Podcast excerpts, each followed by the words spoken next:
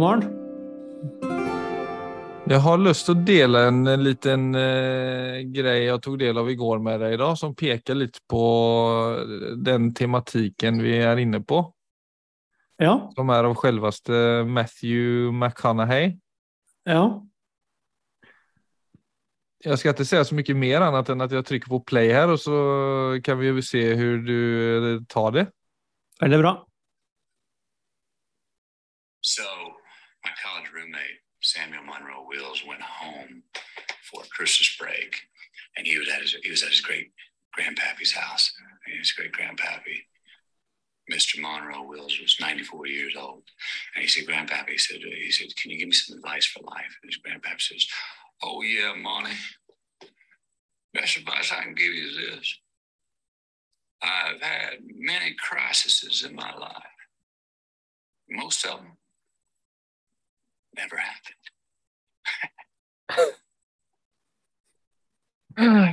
Er ikke, er ikke den fin? Veldig fin. Og det Ja, altså jeg tenker jo det, Philip, at den uh, altså De fleste krisene skjer jo oppi hodene våre. Mm. Og selvfølgelig Altså virkelig krise kan jo også skje innimellom, men det er veldig rart med de når man står i en virkelig krise, så har man ikke noe annet valg enn å deale med det. Mens når man står med en krise oppi hodet, så går man bare i sirkel. Ja, den kan bli langdragen. Ja, ofte, på mange måter så er det ofte verre. Sånn, Mens når man dealer med en virkelig krise, så vil man også alltid vokse som menneske.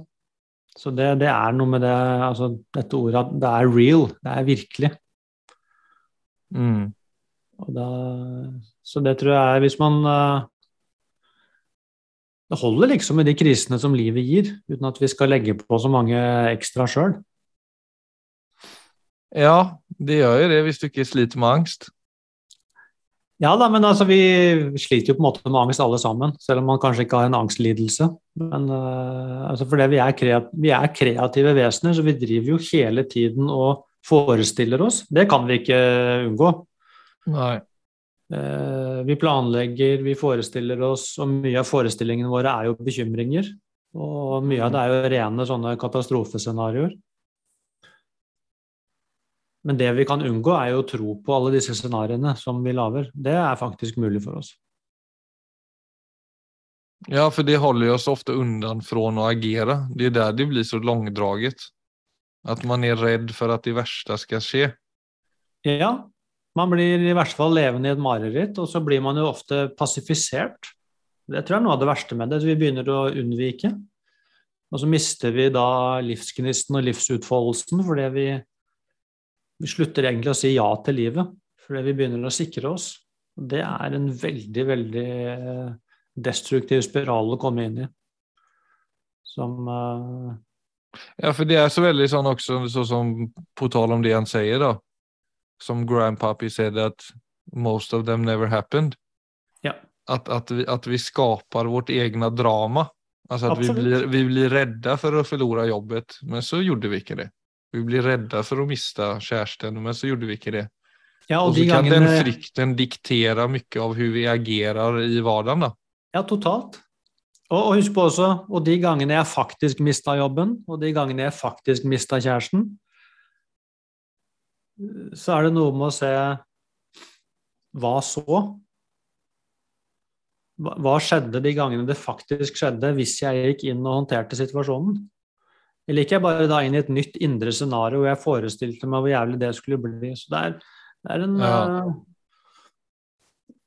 For jeg tenker, hvis du blander den Altså mesteparten av krisene mine, de skjedde aldri, Mm. det vil si, eller de skjedde i hodet mitt.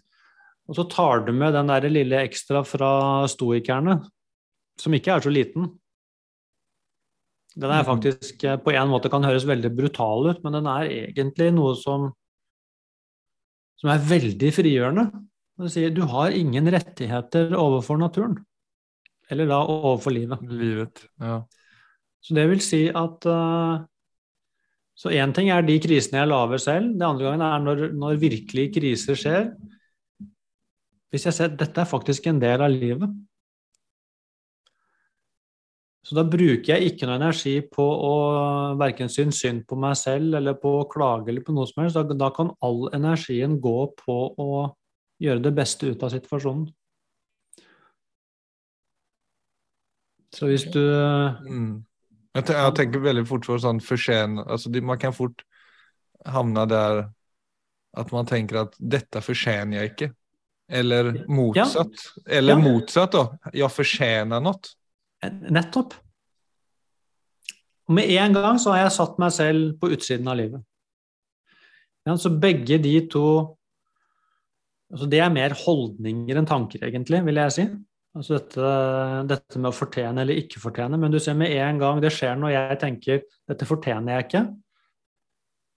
Hvis du kjenner etter hva som skjer i deg da, Ja, ja, du, jeg- du faller jo. Du går jo du, Det er precis som om kroppen bøys, og du bare Ja. jemkas med bakken. Det er akkurat det. Sant? Mens det andre egentlig 'dette fortjener jeg', så blir det sånn hva, hva betyr det, liksom? Det er jo helt meningsløst. Mens Ja, det er også med passivt. Ja, eller det blir på en måte Eller noe som på, nei, men det blir jo som du sier, ja. Det blir jo Dette fortjener jeg ikke. Altså, for at du skal fortjene noe, så kreves det en handling til. Ja, og jeg tenker det ordet med å fortjene altså Jeg tror ikke livet er ikke sånn. Det handler ikke om fortjeneste eller ikke fortjeneste. Altså livet bare beveger på seg. Ja, men du kan sparke i gang en god retning, da. Om du Ja, ja, selvfølgelig. grep. Absolutt. Men det handler ikke om fortjeneste. Det handler liksom Nei, nei. Altså Nei, ikke i ordets rette bemerkelse, så hadde man ikke Nei. anvendt det uttrykket. Det er som om noen deler ut uh, disse tingene, liksom. Altså, det er, livet er som det er, og vi kan være med på gode premisser, eller vi kan forsvinne liksom opp og dikte. Akkurat som vi, vi insisterer på andre spilleregler enn det som faktisk er i livet. Mm. Og da sitter du alltid med en taperhånd. Det, er, det vil vi alltid tape på. Så det er noe med å, å våge å åpne opp øynene og se at uh, livet er som det er, og så si ok, da får jeg bli med, jeg får bli med på det spillet som er. Jeg får forholde meg til de reglene som faktisk er her. Ellers så får jeg, får jeg det i hvert fall vanskelig. Mm. Minns du han eh, snakket snackade i forrige episoden om han pappan vår son hadde autism som jeg avsluttet forrige episoden med. Ja. Som jo fikk en sånn Ja, det var jo veldig han måten han liksom hans nye sett å se på sin son på endret jo veldig radikalt av at hans son egentlig kom fram til ham og sa just det der med at ser du ikke at jeg gjør alt for deg, pappa? Mm. Och så var ju det ett väldigt sånt tydligt perspektivskifte att hans egna förväntningar om hur det var och skulle ha en son på en måte tappade sitt fäste då. Mm. Det blev helt oviktigt och så fick jag fick väldigt sån etterpå, jag vet inte, jag, jag antar att det var på grund av det, men jag började liksom rannsaka lite mitt egna liv. Och spesielt det med å ha nu, nu jeg har liksom tre små barn og så fikk det, kom jeg å tenke på hvor mye forventninger jeg faktisk har på dagen med Mm. de tre små barnen. Mm. Og spesielt så, så som eftermiddagstid, kvällstid da det er ganske, det är ganska högt tryck. Det er mat og det skal badas og det skal legges, og det skal være god stemning, og det er barn som er sultne og lettirriterte. Altså, det er mye, mye liksom trykk på alle fronter. Då. Och så kan jag ha en sån idé om att eftermiddagen ska vara liksom mest möjligt behaglig. Mm. Altså, jeg, jeg prøver på en måte å stedet for å være veldig sånn hands on, så har jeg in, innrett, innretter jeg meg ganske mye utover den forventningen om at det skal bli behagelig, eller at det skal bli bra. Ja, Og så er merker jeg at den, det, det, det, det er den holdningen som på en måte gjør at jeg blir besviken ofte. yes. Altså den holdningen jeg, jeg er på en måte dømt til å bli besviken. Ja, det er gode sjanser. Ja, for det er ikke så altså, Behagelig blir det jo ikke mellom fire og sju med tre små barn. Det kan du kaste ut. Ja. Men det er bare det med at Og det er ikke så at det ikke er lov å ha forventninger, men sånn helt ærlig så er forventninger en bad companion. Ja. det er ikke det du skal ha når du trenger å være hands on, eller det er en krevende situasjon, eller det er noe som må gjøres. Absolutt. Så Det er veldig bra, Philip. Og jeg tror det er viktig å si selvfølgelig er det lov å ha forventninger. ikke sant? Altså, det er jo noe med, Vi tegner jo ikke opp sånne lover og regler her, men det er mer å se lønner det seg. Det er en mye bedre måte, sted å gå med seg selv. Altså, Hva gjør det med meg? Hva gjør det med livskvaliteten min? For det er sånn, ja, men herregud, det må jo, det må jo være lov å forvente at livet skal være behagelig. Men det rare er jo, du ser, hvis du slipper den forventningen, så betyr jo ikke det at livet ikke blir behagelig. Men du slipper bare den kranglingen med øyeblikket hvis det skulle vise seg å bli annerledes enn det jeg hadde forventet. Så det som uh, Ja, det er nettopp det. Og det som interessante som kan skje hvis du slipper forventningen, så, kan du, så regner jeg med at du også kan si at det kan være veldig mye som skjer i de timene, og det er i hvert fall ikke behagelig. Men hvis du er hands on, så bevarer du sinnsroen din. Ja, mye lettere. Mye lettere, ja. Mm. Så, så selv om det kanskje ikke er behagelig, så er det allikevel noe med det som da er, altså, som er veldig fint. Det krever alt av deg, men allikevel det er det er ikke en storm inni deg, for du forventer ikke noe annet enn det som skjer, og så gjør du ditt beste med det. Det er uh, Der tror jeg det er en sånn Ja, på en måte en hemmelighet. Jeg vet ikke om akkurat det er en hemmelighet, men det blir det allikevel, for vi tar, vi, tar, det ikke helt inn. Og der er det så mye å hente for hver og en av oss i forhold til, uh, i forhold til livskvalitet. Ja, jeg tror den hemmeligheten er jo litt tilstedeværelse, om vi skal egentlig gå tilbake til det som er poddens uh, utgangspunkt. Altså, som vi begge du og jeg er store eh, eller veldig hengivne til. Da. At, det, at det vokser noe ut av For det er sånn, ja, du kan fly inn i en forventning, eller du kan fly inn i en telefon. altså Det er mange sånne flyktmekanismer man kan ha, men det å trene på å være til stede og velge å være til stede, at det ja. er uansett situasjon, da, ja. så er det en kvalitet som gjør at vi vokser litt mer innvendig. Ja, definitivt. Så det og Husk på tilstedeværelse er Altså virkelig tilstedeværelse er fri for forventninger. Altså Det er ikke plass til forventninger i tilstedeværelse. Tilstedeværelse ser jeg bare. Mm. Det forholder seg til, uh, altså til øyeblikket, til livet, til hva den måtte være. Sånn som det er. Akkurat som du så det i et speil. Du forholder deg til virkeligheten. Men du sier bare ser, bare er, for folk som kanskje ikke har et uh, så stort begrep til For det er mange som også spør hva er tilstedeværelse, hva er mindfulness? Iblant tenker sånn du, det, det, du uttrykker nå, er en veldig sånn ren prosess, eller en veldig sånn klar, nærværende person som ser igjennom mentale prosesser, more or less, låter det, låter det som.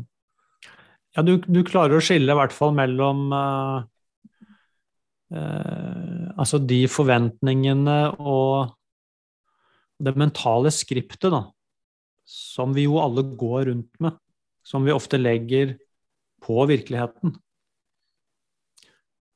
Uh, og det gjør vi hele tiden. sånn at når, uh, når noen bryter forventningene våre, så, så, blir vi ofte frustrerte. Mens tilstedeværelse, det Da får livet Altså det er livet som får uh, forrang, ikke mine forventninger. Du kan bare forestille deg at det, altså når noe skjer, mm. så er du bare med det 100% Det er ingenting i deg som krangler med det som skjer. Alt det bare slipper. Kan, det blir jo da virkelig en annen måte å å være med ting på. Hvor du selvfølgelig du får med deg det som skjer, du krangler ikke med det. Og det er, det er mye lettere å flyte med, finne løsninger, være kreativ. Så det er ikke det at tilstedeværelse er passivt. Men det, det, slipper bare det at virkeligheten skulle vært noe annet enn det det er. Så det, så det blir egentlig 100% aktivt. Men det er aldri sånn at uh, at jeg flykter opp i hodet mitt og tenker nei, sånn burde det ikke ha vært. Det burde han ikke ha sagt. Dette skulle ikke ha skjedd. Mm. -hmm. da får jeg et problem. Uansett hvor dramatisk det som skjer, er, Mm. så tjener vi ingenting på å prøve å late som om ikke det skjedde. Eller anklage livet for at, uh, for at det har skjedd. Det hjelper oss bare ikke noe.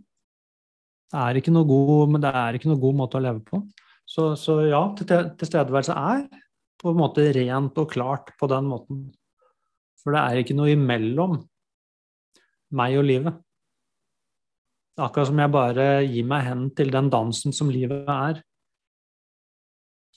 Og det der er da viktig å etablere det forholdet til at du, du står i relasjon til dine tanker, at du står i relasjon, eller tilstedeværelse står i relasjon til tanker, til følelser, til fornemmelser og persepsjoner och allt som vi, allt som vi är utrustade med då.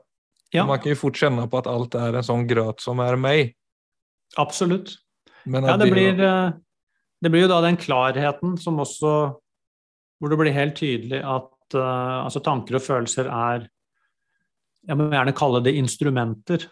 Mm, Det er ikke meg, men det er instrumenter jeg har som menneske. Akkurat som jeg har en kropp, som jo er et fantastisk instrument. Jeg har et Mm. sinn. Og sinnet, det er jo kreativt, som gjør at jeg kan tenke Jeg kan bruke fortiden min som en eh, Altså som en minnebank som hjelper meg til å navigere. Jeg kan selvfølgelig bruke kreativiteten min til å lage scenarioer, men ingenting av det er meg. Det er instrumenter jeg har til å orientere meg. Så det er klart disse, alle disse tankene og alt det som skjer i meg, blir først et hinder når jeg flytter inn i dem. Altså når jeg tror at det er meg. Så den klare tilstedeværelsen, den klarer å bruke det som instrumenter. Ja, så du tar det i bruk i stedet for å identifisere deg med det. Yes. Og da blir det lettere å liksom skjolde bort gammel programmering. Ja. Altså gammel programmering som i at vi liksom har eh, eh, som vi snakket om i, som vi har snakket om Power of Bad, at vi har negativa tendenser da, som gjør at ja. vi ofte uroer oss och mer Ja. än vad vi kanske tänker positivt till exempel och att det i sig själv kan vara en frustration men att det är en, är en grund till det. Ja, ja, ja. Og ingenting av det blir noe problematisk når du ser på det som et instrument. Det er kun når vi tror at dette er realiteter, at det blir vanskelig for oss. Altså En bekymring er ikke noe problem så lenge jeg ser at det er Mm. egentlig instrumentet mitt som prøver å forberede meg på noe som kan bli vanskelig. Da, kan jeg, da kan, er det mye lettere også å si egentlig sånn til instrumentet da. Takk for, uh, takk for at du prøver å ta vare på meg. Og så kan jeg se om dette er noe jeg skal bruke noe tid på eller ikke. Men jeg, jeg blir ikke slukt inn i alle disse da, igjen disse krisene som aldri skjedde. For de skjedde bare i meg.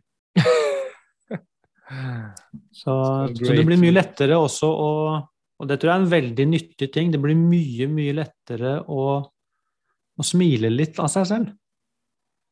For når alle disse indre krisene kommer, så kan jeg bare trekke litt på smilebåndet. For det, Mm. jeg blir ikke fanget av drama. Det låter lettere sagt enn gjort ibland. Ja, det er jo når man først er fanget i det, så da må vi på en måte bli med på reisen. Men, eh, men altså, det er jo et godt sted å begynne å faktisk forstå det. Da har man allerede gjort halvparten av jobben. Og så må Ja, man jo tillate at groundbreaker tror jeg. Hva? Ja, det kan jo absolutt være en, eh, en, et aha-moment. Ja, veldig viktig. Og så kan man jo ikke forvente det at nå har jeg forstått det, så nå skal jeg aldri mer bli fanget av mine egne indre dramaer. Sånn er det ikke. Det er eh, et langt, langt lerret å bleke, men altså, da kan man i hvert fall begynne å bruke den prosessen til noe nyttig, til noe interessant. Mm. Og når jeg blir fanget, og når jeg kommer ut igjen, så kan jeg gå tilbake og se hva var det som skjedde. Så alle disse Alt dette er egentlig en kilde til, eh, altså til læring. Så kan, da kan jeg bruke det til det, istedenfor å bruke det til å slå meg selv at det nå, dette burde jeg For det sier vi ofte når jeg har forstått det, nå burde jeg visst bedre. Men det er også en sånn meningsløs greie. Altså det, hvis jeg forsvinner inn i indre dramaer, så må jeg Da gjør jeg jo det. Så det er ikke mye som krangler med det heller. Men jeg kan Jeg trenger ikke slå meg selv i etterkant. Mm.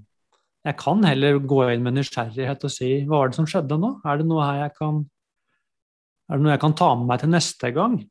sånn at jeg er enda bedre rustet. Så du bruker egentlig alle disse såkalt negative erfaringene til å Mm. Akkurat som jeg bruker det til å tette mitt eget skip. Alt, alle steder jeg lekker, så kan jeg bruke det til å til å begynne å reparere skroget, sånn at det til slutt er tett. Og hvor lang tid det tar, er helt uvesentlig. Det kan gjerne bruke hele livet på.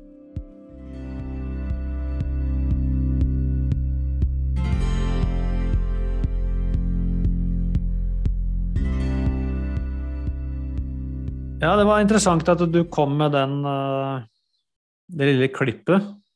For det passer veldig godt inn i det lille avsnittet som jeg hadde tenkt vi skulle snakke litt rundt i dag. Mm. Så bra. Som er, som er fra denne boken uh, The Wheel of Time. Så jeg må lese på engelsk, men vi kan jo bare snakke om det på norsk etterpå. Og dette Mm. handler akkurat om altså at vi hele tiden har en indre dialog. Altså vi snakker til oss selv hele tiden i hodene våre. Mm. Og så skriver han her We talk to ourselves incessantly about our world. In fact, we maintain our world with our internal talk. And whenever we finish talking to ourselves about ourselves and our world, the world is always as it should be. We renew it, we rekindle it with life, we uphold it with our internal talk. Not only that, but we also choose our paths as we talk to ourselves. Thus, we repeat the same choices over and over until the day we die, because we keep on repeating the same internal talk. A warrior is aware of this and strives to stop his internal talk. Så det er jo en litt annen måte å være kriger på enn å skyte på andre. Det kan man säga. Men det er jo Ja, det er jo på en måte Det er veldig det Great Grandpappy var inne på. Det er et, eh, et indre drama, et indre narrativ.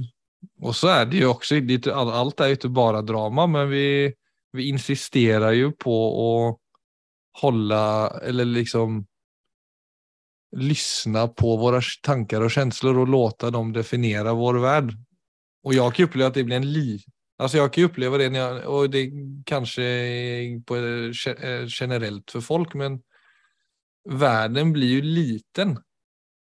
Alltså när du, när du är så väldigt upptagen med dig och dina grejer som pågår i, internt, liksom. Akkurat det den blir. Vi ser faktisk ikke verden. Vi ser bare oss selv. Så vi ser ikke den uh... Altså, du kan bare Jeg vil si at dette som snakkes om her, går et skritt videre fra grandpa. For han snakker om uh, egentlig om at alle krisene våre skjer i oss selv. Mens det de snakker om her, det er Altså en ting er, altså Vi kan ikke bare skru av den indre dialogen, det kan vi faktisk ikke. Men vi kan forestille oss det, og det i seg selv kan være ganske kraftig. Altså dette med å altså Det ene er å bare gå ut i naturen, altså som du selv snakker om når du løper den altså jogger langs rundt Maridalsvannet. ikke sant? Og noen, noen dager så er naturen bare så nær. altså den er en voldsom opplevelse. Andre dager så ser du ikke det du løper i det hele tatt, for du er i deg selv.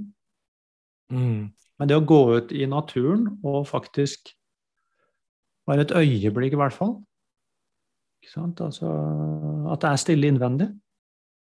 Og det, hva er det egentlig du ser da?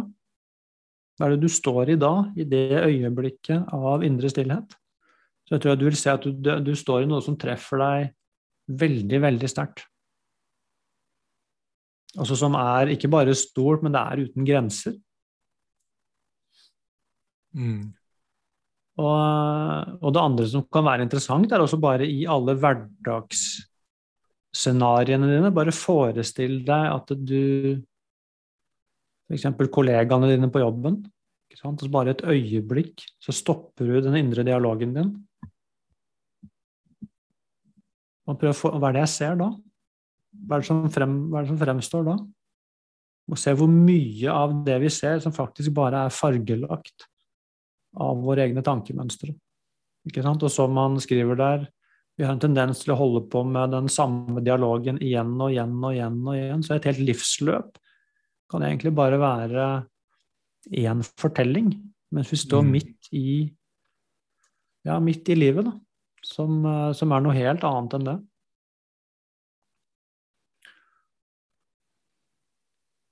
Ja, og vi går jo rundt og har en så veldig tydelig og klar idé om hva livet er, og det føler jeg også tar litt kål på nysgjerrigheten, som jeg opplever er en så viktig ingrediens i, i det du snakker om, og i tilstedeværelse. Og det er den som jeg føler også begynner liksom spraker og gjør at ting kommer til liv, liksom. Absolutt. Og der eh, och det är så som, jag vet inte om jag sa det i podden, jag tror det var mer off-podden, jag snackade om det med löpturen, men där är det så väldigt sånn tydligt att som du säger då, när jag är, och det, det kan jag också, så jag kan ju vara väldigt upptatt av mina tankar när jag löper, men det kan också vara en følelse av att jag bara låter tankarna processera. Men fortfarande, jag blir fortfarande fast i det så länge jag låter min uppmärksamhet vara där. Mm. Men det är att vända uppmärksamheten ut och liksom faktiskt börja se på miljön runt mig och det jag mm. springer i. Så ska det inte nödvändigtvis så mycket till för att du plötsligt känner att det är väldigt sånn livsstarkt. Nettopp. Og at det er liksom god kontakt. Ja, nettopp. Det er fullt av liv. For det er uh, Og det samme med det er også en veldig interessant greie, dette med eh, Altså dette med å se på seg selv, da. Hva står jeg igjen med hvis det et øyeblikk blir stille i hodet? Hvis ikke jeg definerer meg selv gjennom den kanskje også vanlige indre dialogen, hvor vi da stort sett enten er vinnere eller tapere, eller kanskje noe midt imellom, som jo ikke har noen ting med livet å gjøre. Det kan være utrolig befriende å faktisk få øye på. At alle de tingene der, det har jo ingenting med meg å gjøre. Det, det er mer hvordan eh, Ja, kanskje hvordan andre har beskrevet meg, og da i et veldig begrenset perspektiv. Som kanskje er bare innenfor noen, altså visse, visse rammer som har med prestasjon å gjøre. Det kan sikkert også være litt skremmende for noen. For altså, du, du får da, jeg får jo ikke definert meg selv på den måten som jeg er vant til. Men det er klart det at det jeg kaller meg, jeg blir jo ikke borte. Nei. Men altså mitt kanskje mitt virkelige jeg, eller mitt uh, Det kanskje får lov til å tre frem et lite øyeblikk, i hvert fall, som ikke er definert av alle disse tingene jeg har fått til eller ikke fått til. Og da vil jeg kanskje ikke kjenne meg selv igjen, men samtidig vil jeg kjenne det suget av at wow. Mm. Ja. Men der tenker jeg det, det vi snakket om gang, sånn som er ritual, altså overgangsfaser, da som på en måte er en, en kilde til å se nytt og bryte igjennom til noe annet. At det er så lite fokus på det, er jo veldig mm. synd. Ja, det er et stort Det er jo på en måte forberedelse, sånn som å bli voksen og gå fra skolen til inn i arbeidslivet, eller for mange mødre som, som blir, eller, eh, som blir eh, mammor da, for første gangen. Ja. Så er det veldig mye fokus på alt det praktiske og alt som skal være på plass og hvordan man skal håndtere dette. Men den liksom interne følelsen som mange kjenner på at mm. hvem er jeg midt oppi alt dette? For ditt ja. gamle jeg blir veldig borte. Ja. Og du blir Det å være sånn som jeg har forstått det, da. At det å bli mamma er utrolig liksom eh, banebrytende i identitet, da? Ja, klart det. Altså det. det. er jo en av de innvielsene som vi ikke har, som vi ikke har fjernet. For det kan vi jo selvfølgelig ikke. Altså den uh, hvor livet bare uh, tvinger seg på. Og, ja, men der er det sånn det der community der igjen, og liksom Det er så litt sånn community rundt ja. det også. Det er mange ja, det, det tror jeg med fordel Unnskyld, kom igjen. Nei, da skal man liksom finne tilbake Mange eh, kjenner jo på det der sterke behovet av å finne tilbake til seg selv, samtidig som man også da vil være mor. Ja. Altså Man vil på en måte ha begge delene, ikke sant? Ja. Som er fullt forståelig. Men det er veldig lite, det er veldig lite prat rundt akkurat det. Ja, på en konstruktiv måte, da. Ja, det er helt sikkert det samme der som med oss menn. Altså dette med Ja, at det igjen er disse overgangsritualene hvor man også selvfølgelig Hvor dette med altså Som det alltid var i stammesamfunnet, det var elders. Altså det var de eldre som hadde veldig, veldig høy respekt, nettopp fordi de hadde livserfaring. Så de var jo en veldig viktig bestanddel i et samfunn.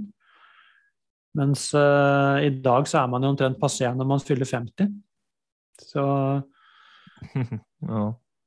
mens, uh, mens, dette med virkelig å At noen holder deg i disse overgangene og, og, og gjør det også klart hva som faktisk er ferdig. Det er noe med for at da noe er faktisk ferdig. Det er en syklus som den kommer aldri tilbake. Og så er det samtidig noe nytt. Så at man får blitt med i den overgangen med hele seg, så ikke man plutselig står i spagaten og skal prøve å gjøre alt samtidig, som, som, jeg tror er fort gjort i dag. Så jeg er helt enig med deg. Så det er ja, det, er som, det, det, er jo også et sånt tegn på en måte hvor opptatt vi er av vår egne selvbild, mennesker. Altså at vi, vi For jeg tror jo litt det vi snakker om, som kanskje går litt dypere, det å Ja, hvordan skal jeg uttrykke det? Men å, å, å ha en, en god hva skal man si, en god självkänsla fra grunden. Ja. Versus det å være fast i selvbilder som far, som ung mann som skulle prestere, som den pojken som ser den unge mannen som skal prestere. Alltså, ja. så som jag, om jeg tar meg selv som eksempel, så er det så mange identiteter som jeg prøver å holde fast i. Og ja. så vet jeg ikke vem som skal få ta mest plass. Vil jeg være ung, Vil jeg være gammel? Og det tror jeg er litt for at man har tappet kontakten med, det kanskje det har vært Jeg vet ikke om det bare gjelder moderne mennesker, da, men i sånn det jeg sitter igjen med når vi snakker litt om dette, så er det precis som om det er en rotløshet som mm. gjør at vi ikke helt vet vem vi skal ta av av dessa og vem vi skal strekke oss mot og vilka verdier, verdier som gir oss mest? Skal jeg satsa mest på å være mor? Skal jeg satsa mest på å være presterende kvinne? Går det å kombinere det? Och den, den, vad ska man säga, oron eller ängsligheten runt det känns ju eh, jag ska inte snacka för kvinnor, jag kan snacka för min egna del i det anseendet. Men att jag har ett, ett lite för lite etablerat förhåll till det att bara vara till städer om man ska bruka det som, en, som ett växande fenomen.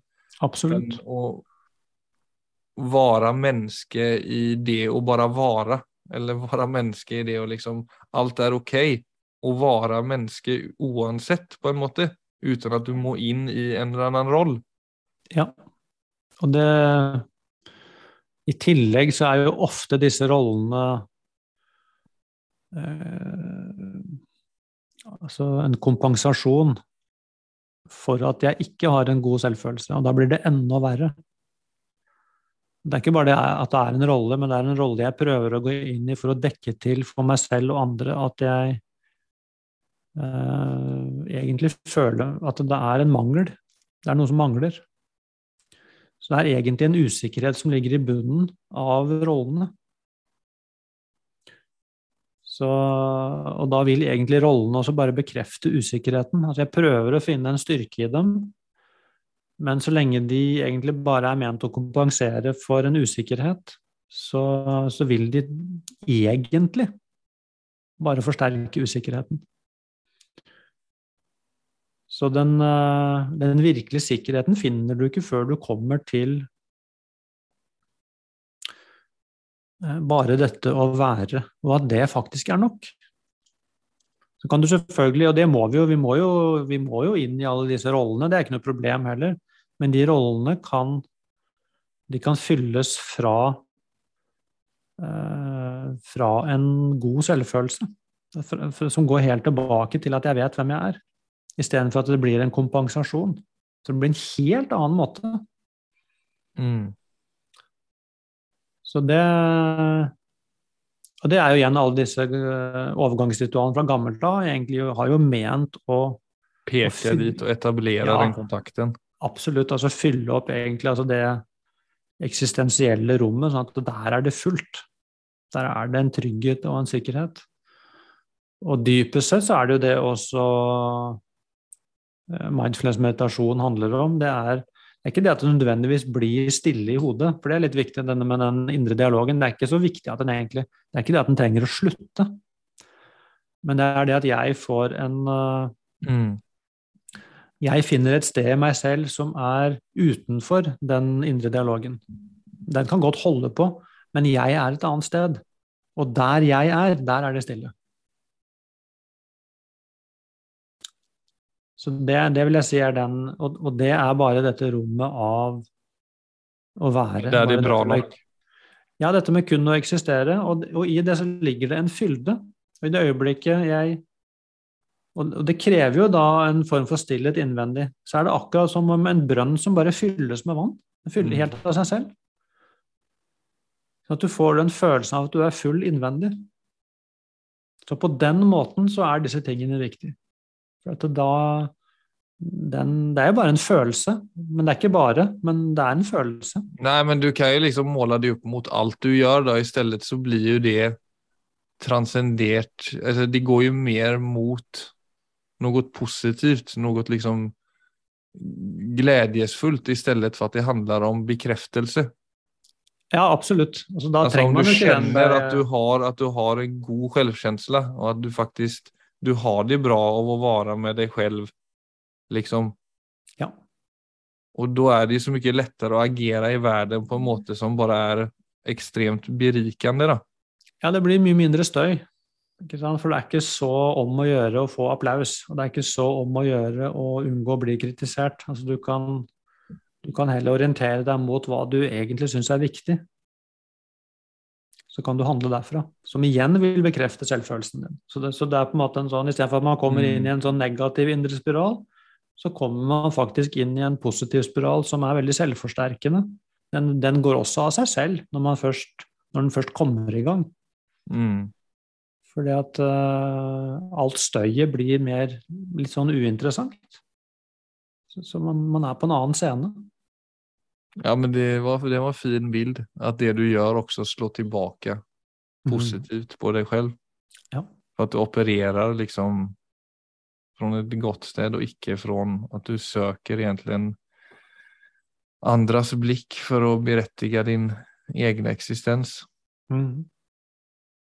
Det er mye lettere å da være stolt av det man utfører, ikke som da slår tilbake på selvfølelsen. Jeg får øye på meg selv i det jeg gjør.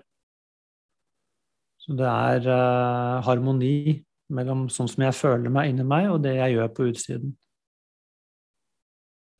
Det er fint. Mens når jeg driver og kompenserer, så blir det disharmoni, for at det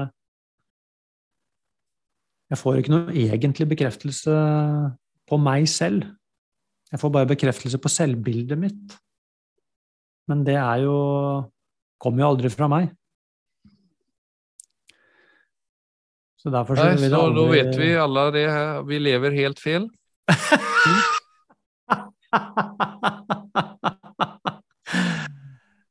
ja, det er uh... I hvert fall hvis man, eh, hvis man tror at det ligger en, eh, en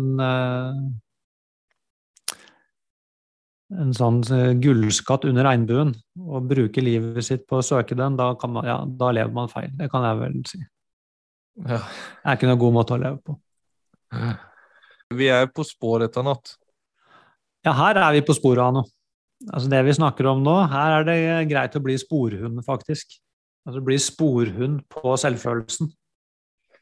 Ja, det var bra avsluttende sitat. Ja. Yes, du drar till Italien morgen, da? Ja, morgen tidlig. Grytidlig. Så I två uker eller en måned, eller? En måned.